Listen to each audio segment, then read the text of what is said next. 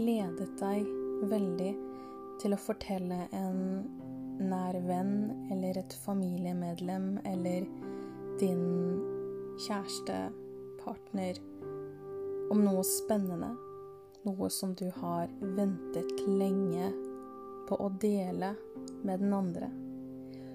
Og når du først setter deg ned for å fortelle om kanskje hvordan dagen din har vært, eller om noe spennende som har skjedd på jobb, eller noe annet som du har oppnådd som har gitt deg glede. Og når du begynner å fortelle, så blir de ikke tatt imot slik som du kanskje forventet. Du føler at den andre kanskje ikke lytter helt til deg. Eller at den andre bare responderer med 'Å ja, så bra for deg. Så kult. Ok.' At den andre ikke kommer med noe oppfølgingsspørsmål. At den andre ikke viser mer entusiasme eller nysgjerrighet for det du prater om. Eller at den andre rett og slett avbryter deg med å fortelle om eh, sin opplevelse, som også kanskje handler om det samme som din, eller som er relatert til din på en eller annen måte. Hvor fælt er ikke det?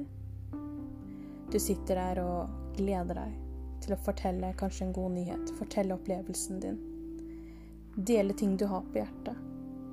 Og så føler du at det kommer en sånn vegg imellom som stopper hele samtalen. Hvor irriterende er ikke det?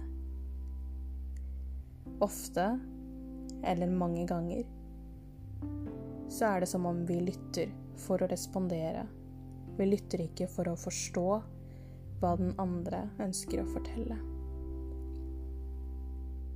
Bare tenk på hvordan det får deg til å føle hver gang en annen person ikke gyldiggjør, ikke setter pris på eller ikke verdsetter den informasjonen du ønsker å dele. En god lytter er en som virkelig eh, viser interesse, en genuin interesse for den andres budskap. En god lytter innebærer å følge med, vise den andre at eh, du er kanskje glad på den andres vegne, at du kommer med oppfølgingsspørsmål. At du ikke kommer med informasjon, eller at du ikke kommer med eh, situasjoner som handler om deg. Fordi når du lytter, så handler det om den andre personen. Det handler ikke om deg. Og det er ikke behov for at du skal prate. Det er en grunn til at vi har to ører og én munn, er det ikke? Lytt for å forstå ikke lytt for å gi respons.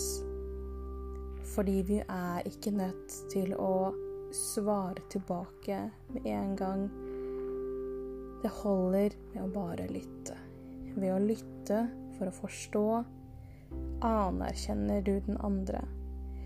Du viser at du er der. Det er ikke sikkert at den andre har lyst på respons eller lyst på tilbakemeldinger, eller lyst til at du skal fortelle situasjoner som er relatert til den andres. Det holder at du åpner ørene for å høre, for å lytte og vise interesse.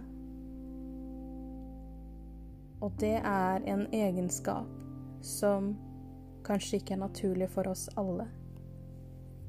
Det er en egenskap som vi er nødt til å kanskje øve på. Kanskje du er en god lytter, eller at du kanskje aldri har reflektert over om du er en god eller om du er en dårlig lytter. tenk over hvordan du føler deg når den andre ikke følger med på det du sier.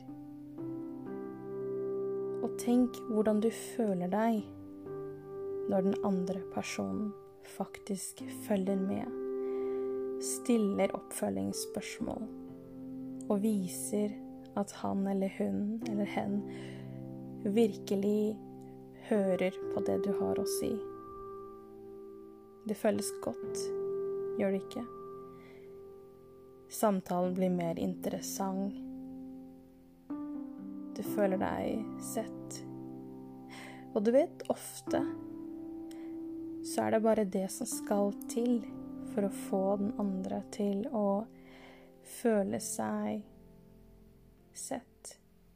Bare ved å lytte. Så det er en egenskap som er veldig sterk.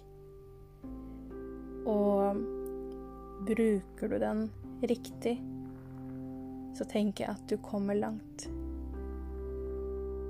Det hender ofte at uh, når jeg sitter og lytter til andre menneskers historier, andre menneskers tanker og erfaringer Og jeg egentlig Det eneste jeg gjør, er bare å lytte. Men det betyr så mye mer for den andre enn man selv tenker. Så ta og tenk over det. Er du en god lytter, eller vil du definere deg som en dårlig lytter? Og det er som sagt en egenskap som du, vi alle, kan trene oss på. Tusen takk for at du lyttet til denne episoden. Følg med videre for mine tanker og refleksjoner. Ha det bra.